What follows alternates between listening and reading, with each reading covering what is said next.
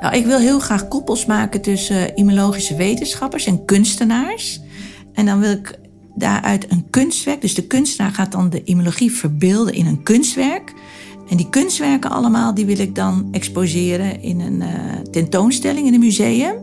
En dat dan openen op de dag van immunologie. Dat is 29 april.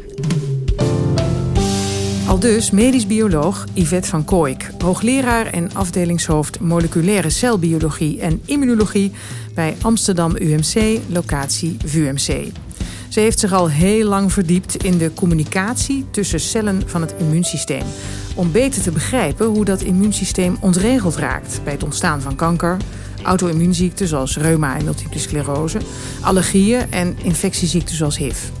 Met haar trap ik af als eerste Spinoza-laureaat die mij gaat vertellen wat er gaat gebeuren met dat prachtige bedrag van 2,5 miljoen euro dat aan de Spinoza verbonden is. Bezoek onze website, zeg ik tegen onze luisteraars, of volg ons op Twitter en Facebook voor meer verhalen uit de wetenschap. Mijn naam is Karin van den Boogaard. Yvette van Kooik, welkom in de podcast van Wetenschappen Nu. De grondlegger van een nieuw vakgebied, de eh, glyco-immunologie. Ja. Oprichter van een biotechbedrijf. Mm Rolmodel voor vrouwen heb ik ook ergens gelezen. Mhm. Welke kwalificatie spreek je het meest aan? Eigenlijk alle drie. Maar de eerste en de derde. De eerste Zullen we en de daarover derde. hebben? Het nieuwe vakgebied en rolmodel Ja. voor vrouwen. Ja. Oh ja? Ja. Ik wil het ook over dat biotechbedrijf hebben. Nou goed hoor. dat komt dan nog Gaan we wel. ook doen. Ja. Wat heeft die Spinoza je opgeleverd? Ja, veel drukte. Veel drukte, heel veel eer. Heel veel eer. En eigenlijk ook erkenning eh, van, voor hetgeen wat je doet. En, ehm, en dat het aanspreekt voor een breed, publiek. Hè? Want het is natuurlijk een enorme eh, ja, kleine kans dat je zo'n Spinoza mag ontvangen. Dus het, zegt echt iets over hoe anderen jou zien. Terwijl je zelf altijd best wel kritisch op jezelf bent. En denkt, nou, nou, nou. eh, is het ondertussen toch wel een... ja, heb je toch wel iets bereikt, blijkbaar. Ja, je hebt iets bereikt. Eh, we zitten hier in jouw werkkamer. Ja. Eh, twee bij drie. Ja. De wind giert om, eh, om het gebouw en de regen ook. Ehm, wist iedereen in dit enorme gebouw hier bij locatie VUMC eigenlijk dat jij die Spinoza gekregen had en wat het eigenlijk was? Nou, toen het bekend werd, toen mocht het eigenlijk naar buiten gebracht worden. En toen dacht men, oh jee, dat is natuurlijk fantastisch. Zeker de afdeling was helemaal wild enthousiast.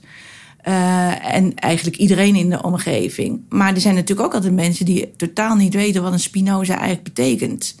En, eh, nou, en, en als dat uitgelegd wordt, dan denken ze, oh. eh, en wat het leuke is, denk ik ook wel voor mij nu hier, intern in een medisch centrum, is dat opeens iedereen je ziet en erk- herkent. En eh, dat is wel heel erg leuk. Superleuk. Ja. En eerder had je het over eer, heel veel eer. Wat, wat is dat voor jou, eer? Wat, wat, hoe zou je dat willen Nou ja, ik denk dat het, dat het ertoe doet, hetgeen wat je doet. Eh, ik denk dat dat het belangrijkste is. Want we spenderen ontzettend veel tijd aan onderzoeks doen voor een hoger doel. En dat doe je toch als een soort hobby, een soort ja, obsessie. Maar dat klinkt een beetje fanatiek. Maar ik denk ook een bepaalde vorm van fanatisme moet je ook hebben om echt wetenschap goed te bedrijven. En ehm, dat alles bij elkaar eh, brengt met zich mee dat je zoveel tijd in iets stopt waarvan jij eigenlijk denkt van nou hier zit wat in, dit heeft een hoger doel. Maar je krijgt natuurlijk weinig van het publiek terug van zit ik wel op de goede, goede weg. En natuurlijk zelf weet je het wel. En het is ook de eigen passie vanuit jezelf die zorgt ervoor dat je het werk doet.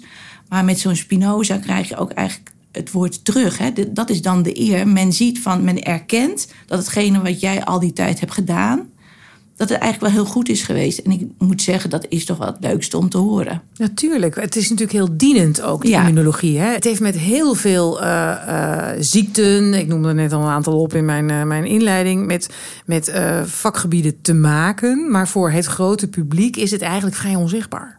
Ja, ik denk dat dat ook komt omdat eh, iedereen weet wat kanker is en wat wetenschap aan kanker is. Iedereen weet wat auto-immuniteit is, hè, MS, eh, reuma.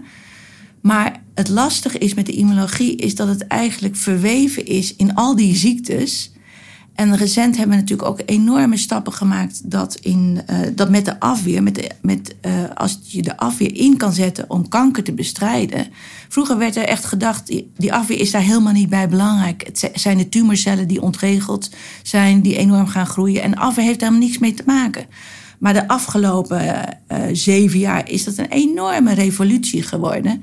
En is men gaan zien, nee, dat afweer heeft toch wel iets te maken. Dus het lastige van de afweer is, het zit overal in, maar het is niet gelinkt aan één ziekte. En dat maakt het voor heel veel mensen heel moeilijk te begrijpen, wat is dat dan precies?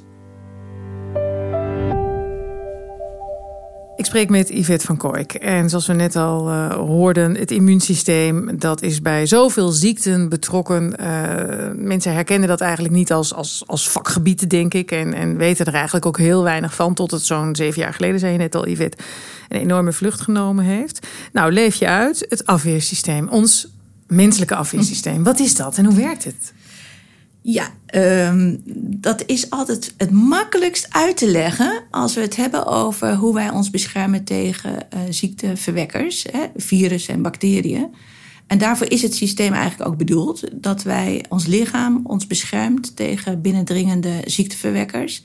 En daarvoor hebben we een systeem, allemaal cellen die in het bloed zitten, lymfocyten. Uh, en die, uh, maar ook meerdere cellen, want ik kan over heel veel subsets gaan praten, maar daar worden, wordt niemand gelukkig van. Maar er zijn uh, in het immuunsysteem um, uh, verschillende celtypes die ieder hun taak hebben. En het gaat erom dat je de ziekteverwekker herkent en dat in brokstukken verwerkt en dan aan de andere immuuncellen laat zien. En die dan gaan daarop reageren. En dat wordt je afweer.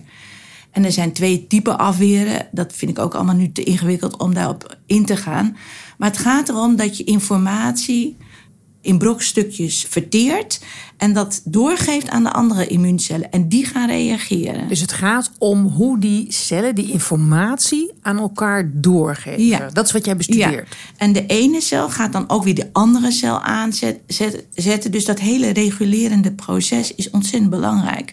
En binnen dat proces als iets aangaat, moet je het ook weer uit kunnen zetten. Want anders betekent het dat je afweer altijd aan blijft staan, hè? actief. Dus dat wil je ook niet.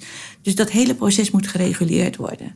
Dus het gaat over aan en uit en op de juiste plek en tijd dat dat moet gebeuren. En als dat niet goed gaat, dan, dan ontregelt het. En dan krijg je bijvoorbeeld dat je een chronische infectie hebt. Chronisch betekent, je kan die infectie niet uit je systeem krijgen. En doordat het afweer het niet goed kan uh, verteren en uh, actie daarop uh, op, inzetten. Dus dan is er iets mis in die communicatie. Ja, en heel vaak is het ook zo dat heel veel ziekteverwekkers hebben mechanismen ontwikkeld die ervoor zorgen dat ze het, de afweer misleiden.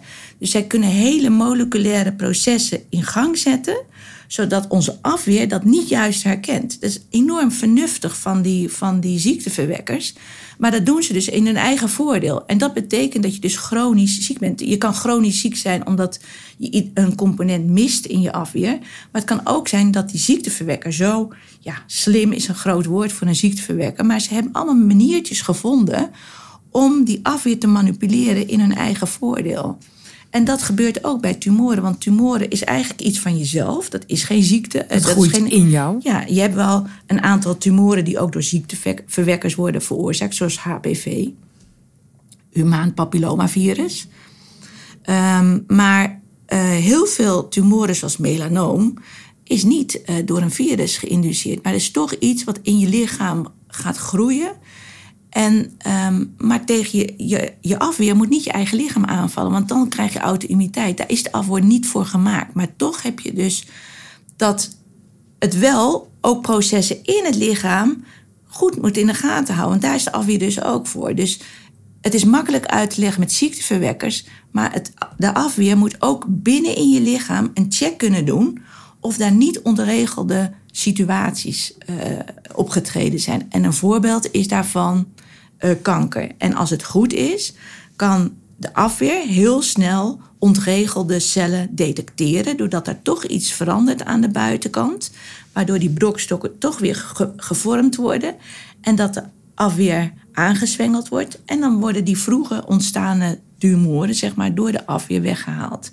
Maar je hebt heel veel tumortypes die net als pathogenen zo vernuftig zijn om zich net als een pathogeen in zijn eigen voordeel zo te ontwikkelen, dat de afweer die is wel ingezet, maar die is niet sterk genoeg. Dus die, wat bij, bij uh, kankercellen heel veel gebeurt, is dat zij processen aanzwengelen in de afweer om de afweer te onderdrukken. Natuurlijk in het voordeel van, van de tumor, maar het is het manipuleren van het systeem. En dat zijn eigenlijk natuurlijke processen die we nodig hebben om de afweer aan en uit te zetten.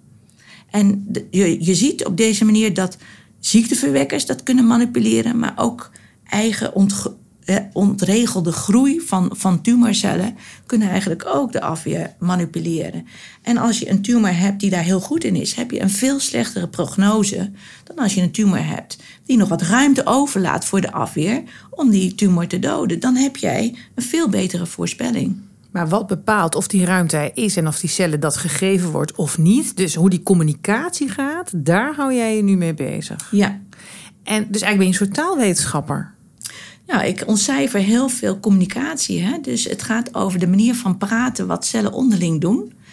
En um, ja, de immunologie is ook wel een vakgebied apart. En ik denk dat het dat ook wel de complexiteit met zich meebrengt voor een breder publiek. Want zodra een immunoloog begint te praten, begint hij te praten over receptoren op, op, op, op, op immuuncellen. Ze gaan praten over immuunsubsets met allemaal verschillende uh, functies. Ze gaan praten over cytokines. En cytokines zijn eigenlijk stoffen die ze secreteren waarop een andere cel weer gaat reageren. Dus woorden zijn van ons zijn cytokines voor uh, die immuuncellen. Dus er zitten heel veel uh, zelfde systemen eigenlijk in communicatie van die immuuncellen. En hoe wij met elkaar praten. en dat maakt het ook zo intrigerend, want het is toch het, het begrijpen van een taal die best wel complex is. Hoe zie jij cellen? Zie jij cellen als. Uh... Ja, ik, ik zie ze als een verbeelding. Ik, ik wil ze ook het liefst zien als mensen. En uh, je hebt goede mensen en, en slechte mensen. En je hebt ook mensen die groot spreken en mensen die uh, klein spreken. Je hebt ook mensen die de ander misleidt met zijn woorden. Nou, dat doen, dat, datzelfde principes gebeuren in de afweer. Heb jij in het begin van je carrière ook zo naar, naar dit vakgebied gekeken? Je hebt medische biologie gestudeerd. Hoe, hoe keek men toen naar de, uh, het immuunsysteem en alles wat jij nu vertelt? Ja, dat is echt, dan hebben we het echt over de negentiger jaren. En dat is het mooie van dit vakgebied. Dat is enorm uh, toegenomen in de tijd. En we weten nu zoveel meer. En in de tijd dat ik begon met de immunologie, toen hadden we nog heel veel uh, ontdekkingen van nieuwe moleculen op oppervlakte van, uh, van immuuncellen. Dus daar was, het ging ook allemaal over communicatie. En ik moet zeggen, ik vind communicatie ook eigenlijk altijd wel een heel leuk vak. Dus ik denk dat ik daarom ook wel bij. Uh, ik vind communicatie tussen mensen interessant. Waarom communicatie misloopt. Met weinig woorden kunnen totaal verschillende signalen opgepikt worden. Uh, dat zie je ook in de afweer. En ik vind dat heel erg leuk om dat uh, te ontrafelen eigenlijk. Je bent een soort detective. ja. Een ja. taalwetenschappelijke detective. Ja, ja, ja. ja. Um, aan het begin van het gesprek uh, gaf ik je drie keuzes. Toen koos je ook de glyco-immunologie. Ja. Het vakgebied waar jij de grondlegger van bent. Ja. Zal ik maar zeggen. Um, wat is dat? Nou, dat is. Uh, ik weet niet of ik mezelf nou een grondlegger zou willen noemen, maar ik heb wel duidelijke stappen gemaakt om het te vertalen naar de immunologie. Kijk, het gaat over een ingewikkeld systeem. Uh, en mensen vinden het ook ingewikkeld. En als we dan het ook nog hebben over immunologie, wat ook al ingewikkeld is, dubbel ingewikkeld. Uh, maar het gaat erom dat um, op ziekteverwekkers, maar ook op onze eigen cellen, zit een buitenste laag. En die buitenste laag heeft men altijd gezegd: oké, okay, uh, versiering heeft geen functie, uh, laat maar zitten. We hebben genoeg aan onze genen. We weten dat genen eiwitten maken, dus receptoren op het oppervlakte. Maar dat die, dat die eiwitten ook allemaal versuikerd zijn, is veel te ingewikkeld. Maar dat is eigenlijk best wel gek, want uh, we weten toch eigenlijk ook dat alles een functie heeft. Ja, maar men vond dat een, een, een te ingewikkelde graad. En wat ook heel erg va vaak ook in de immunologie uh, wordt gevraagd, is wat is de functie? En als je de functie niet kan aantonen, dan zegt men snel: het doet er niet toe. Maar in het ene moment kan je de functie, tien jaar geleden kon je de functie nog niet laten zien. Nu heb je andere tools, kan je de functie wel laten zien. Dus het is heel belangrijk om een functie te laten zien waarom iets daar is en wat datgene dan kan doen. Maar wat heeft gemaakt dat jij dacht van, nou weet je, dat weet ik niet of die suikers alleen maar uh, de icing on the cake zijn? Nou, eerlijk gezegd heb ik ook altijd. Ik wist wel van de suikers op de buitenkant van de cellen en ook ziekteverwekkers, maar ik heb ze ook altijd een beetje weggeschoven. Totdat ik zelf met ons onderzoek op immuuncellen terecht kwam. Ons, ons onderzoek uh, kwam daarop, uh, richtte zich op bepaalde immuuncellen die ziekteverwekkers herkenden. En die gebruikten receptoren.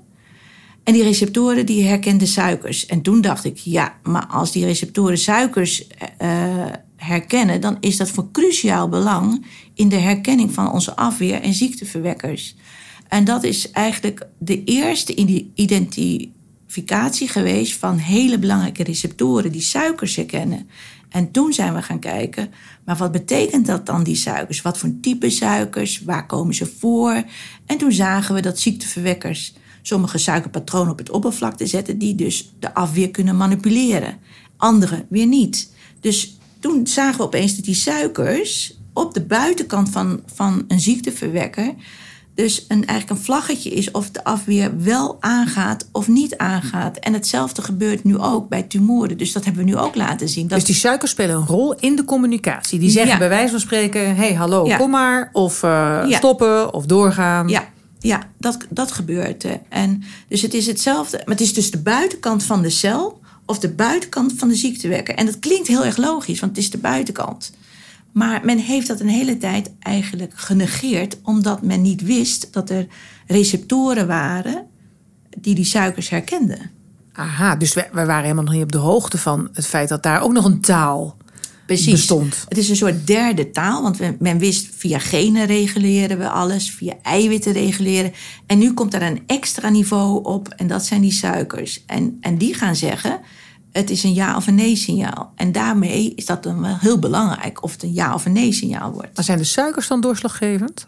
Die zijn mede doorslaggevend en heel vaak wel. Want wat, wat wij nu kunnen doen is als we een suiker hebben en we koppelen dat, bijvoorbeeld een immuunremmende suiker, en we koppelen dat aan een, aan een, uh, uh, een ziekteverwekker, dan kunnen we daarmee de afweer remmen. Koppelen we dezelfde zieke, ziekteverwekker aan een immuunstimulerende suiker, dan kunnen we de afweer stimuleren. Dus die suiker gaat toch best wel bepalen welke kant die afweer opgaat. Er is natuurlijk nog meer nodig, hè, zoals de eiwitten waar we het er eerder over hebben gehad. Maar die suiker is dus niet alleen een versiering. Het is wel een versiering, want het zit aan de buitenkant.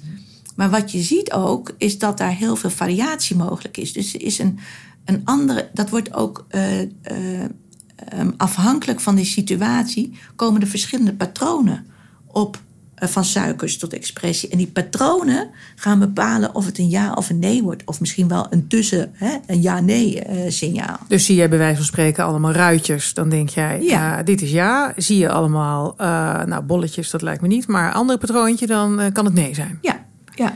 Dus je moet ook um, goed kijken. Je moet heel goed kijken. En ik denk ook, kijk, de, dat die receptoren er waren, heeft ons gebracht dat suikers belangrijk zijn. Dus dat er iets is die, wat suikers herkent. Maar nu hebben we allerlei tools om die suikers in kaart te brengen. En dat maakt het nu heel interessant. Want op basis van wat, hoe wij het patroon zien, kunnen we al voorspellen wat er afweer gaat worden.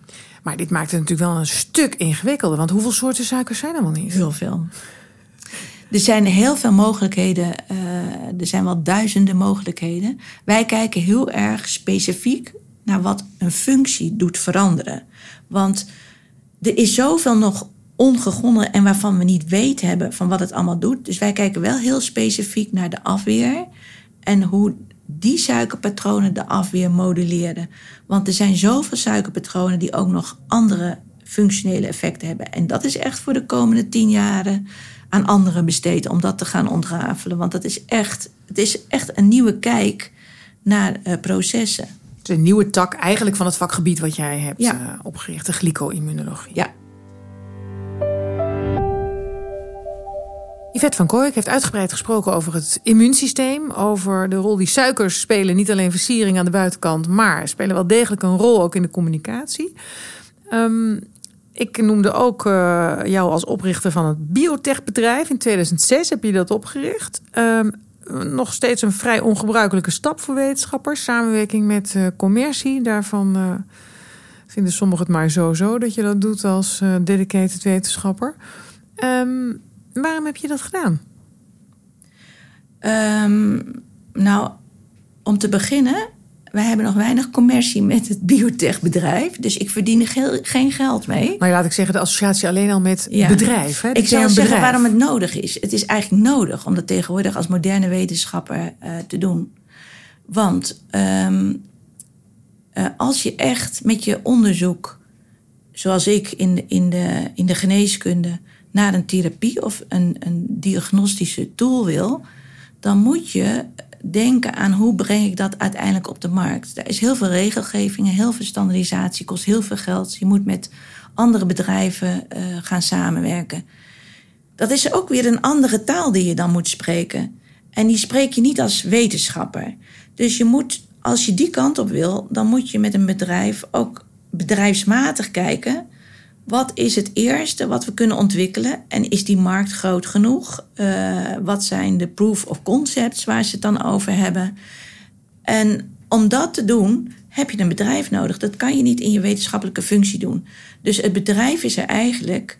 Ik ben de wetenschappelijke adviseur, maar anderen zorgen voor het, het, uh, het zakelijke aspect en ook de regelgeving. Hoe breng je diagnostische tools naar de markt. Hoe zorg je ervoor dat je een immunotherapie, zoals wij die ontwikkelen op basis van suikers, naar de markt uh, kan brengen? Uh, waar gaan we op inzetten? Uh, dat soort dingen. En bovendien. En zijn er nog geen bedrijven waar je dat dan kan onderbrengen? Ja, dus wat je eigenlijk moet laten zien met, met je eigen bedrijf is dat je proof of concept de moeite waard is. Dan worden andere bedrijven zijn daar dan in geïnteresseerd en die kunnen het dan verder trekken. En het is echt een andere tak van sport. En die tak van sport die beoefen ik niet. Um, maar als je wel iets met je wetenschappelijke output richting de kant van therapie of, of het ontwikkelen van diagnostiek wil uh, behartigen, dan, dan moet je wel die kant op. En, um, en wat ik eraan interessant vind, is dat het haalt je ook een beetje uit de wetenschappelijke modus. Want wij als wetenschappers willen eigenlijk alles begrijpen. Maar een bedrijf vraagt je heel erg specifiek. Nou, het is leuk dat je dat allemaal weet, maar ik wil gewoon die kant op, uh, rechtdoor. En niet afgeleid worden door, door hoe zit het in elkaar. Dus zij houden jezelf eigenlijk ook als wetenschapper scherp. Door ook in de gaten te houden als je echt iets naar de markt wil brengen. En dat waar de maatschappij belang bij heeft, denk ik. Als wij ons werk ook kunnen transleren naar de therapie en, en diagnostiek dan moet je die stappen nemen. En dan moeten anderen ook. En dan moet je ook anders gaan denken. En, en, en dat vind ik het leuke van het biotech-bedrijf. Uh, uh, omdat het zet je tot anders denken. Uh, het dwingt je tot anders denken. Eigenlijk. Ook bij je onderzoek. Je hebt ook, ook bij mijn onderzoek. onderzoek. Want ik moet dan ook uh, tegen sommige mensen die bij mij werken. Nee, we moeten niet te veel afwijken naar uh, het mechanisme willen weten. We moeten nu heel specifiek kijken hoe effectief is hetgene wat wij uh, hebben ontwikkeld. En wat is de eerste diagnostische tool die je nu naar de markt zou kunnen gaan brengen? Nou, we, met het bedrijf zijn we nu heel erg bezig om een, een immuuntherapie op maat te maken voor allergie. en um, er zijn al immunotherapie therapieën bij allergiepatiënten worden al gegeven. Maar wij willen, eh, en allergie kan je dan denken aan huistofmijt, eh, pinda-allergie of, of berkenpol. En, um, en die worden al gegeven als immunotherapie bij patiënten om ze te laten wennen aan het allergeen. En wat wij willen doen is het allergeen versuikeren met die immuunremmende suikers. Want bij allergie is de afweer veel te sterk. En die patiënten zijn erbij gebaat als de de afweer onderdrukt wordt tegen het allergeen. Dus wij beogen het allergeen te versuikeren, zodat wij specifiek de afweer voor dat type allergeen kunnen onderdrukken. En dat is nou uh, hetgeen wat wij eigenlijk zo, zo spoedig mogelijk uh, eh, op de markt willen brengen. Maar En wordt dat dan een vaccin of wordt het een pilletje? Of, eh, wordt dan een vaccin in eerste instantie. Maar het zou ook zomaar kunnen zijn, en dat is ook wat ik bedoel met het bedrijf. Als je eh, zegt vaccinatie, dan denken we aan vaccinatie via de huid. Maar een pil is natuurlijk veel aantrekkelijker. Dus wij gaan ook daarna kijken van als je een pil ontwikkelt, is dan net zo effectief als een vaccin. Het zijn allemaal stappen die we willen onderzoeken. De Spinoza-premie, 2,5 miljoen. Wat gaan we ermee doen? Yvette, eh, gaat dat eh, naar onderzoek wat jij net eh, beschrijft bijvoorbeeld? Ehm, wat eh, heb je plannen? Nou, 2,5 miljoen kli- klinkt heel veel, hè? En, ehm, Maar is in jouw vakgebied met alle apparaten en dingen die je nodig en, de- hebt? en wat wij noemen consumables, de reagentia, zijn ontzettend duur. Maar desalniettemin is het heel veel geld.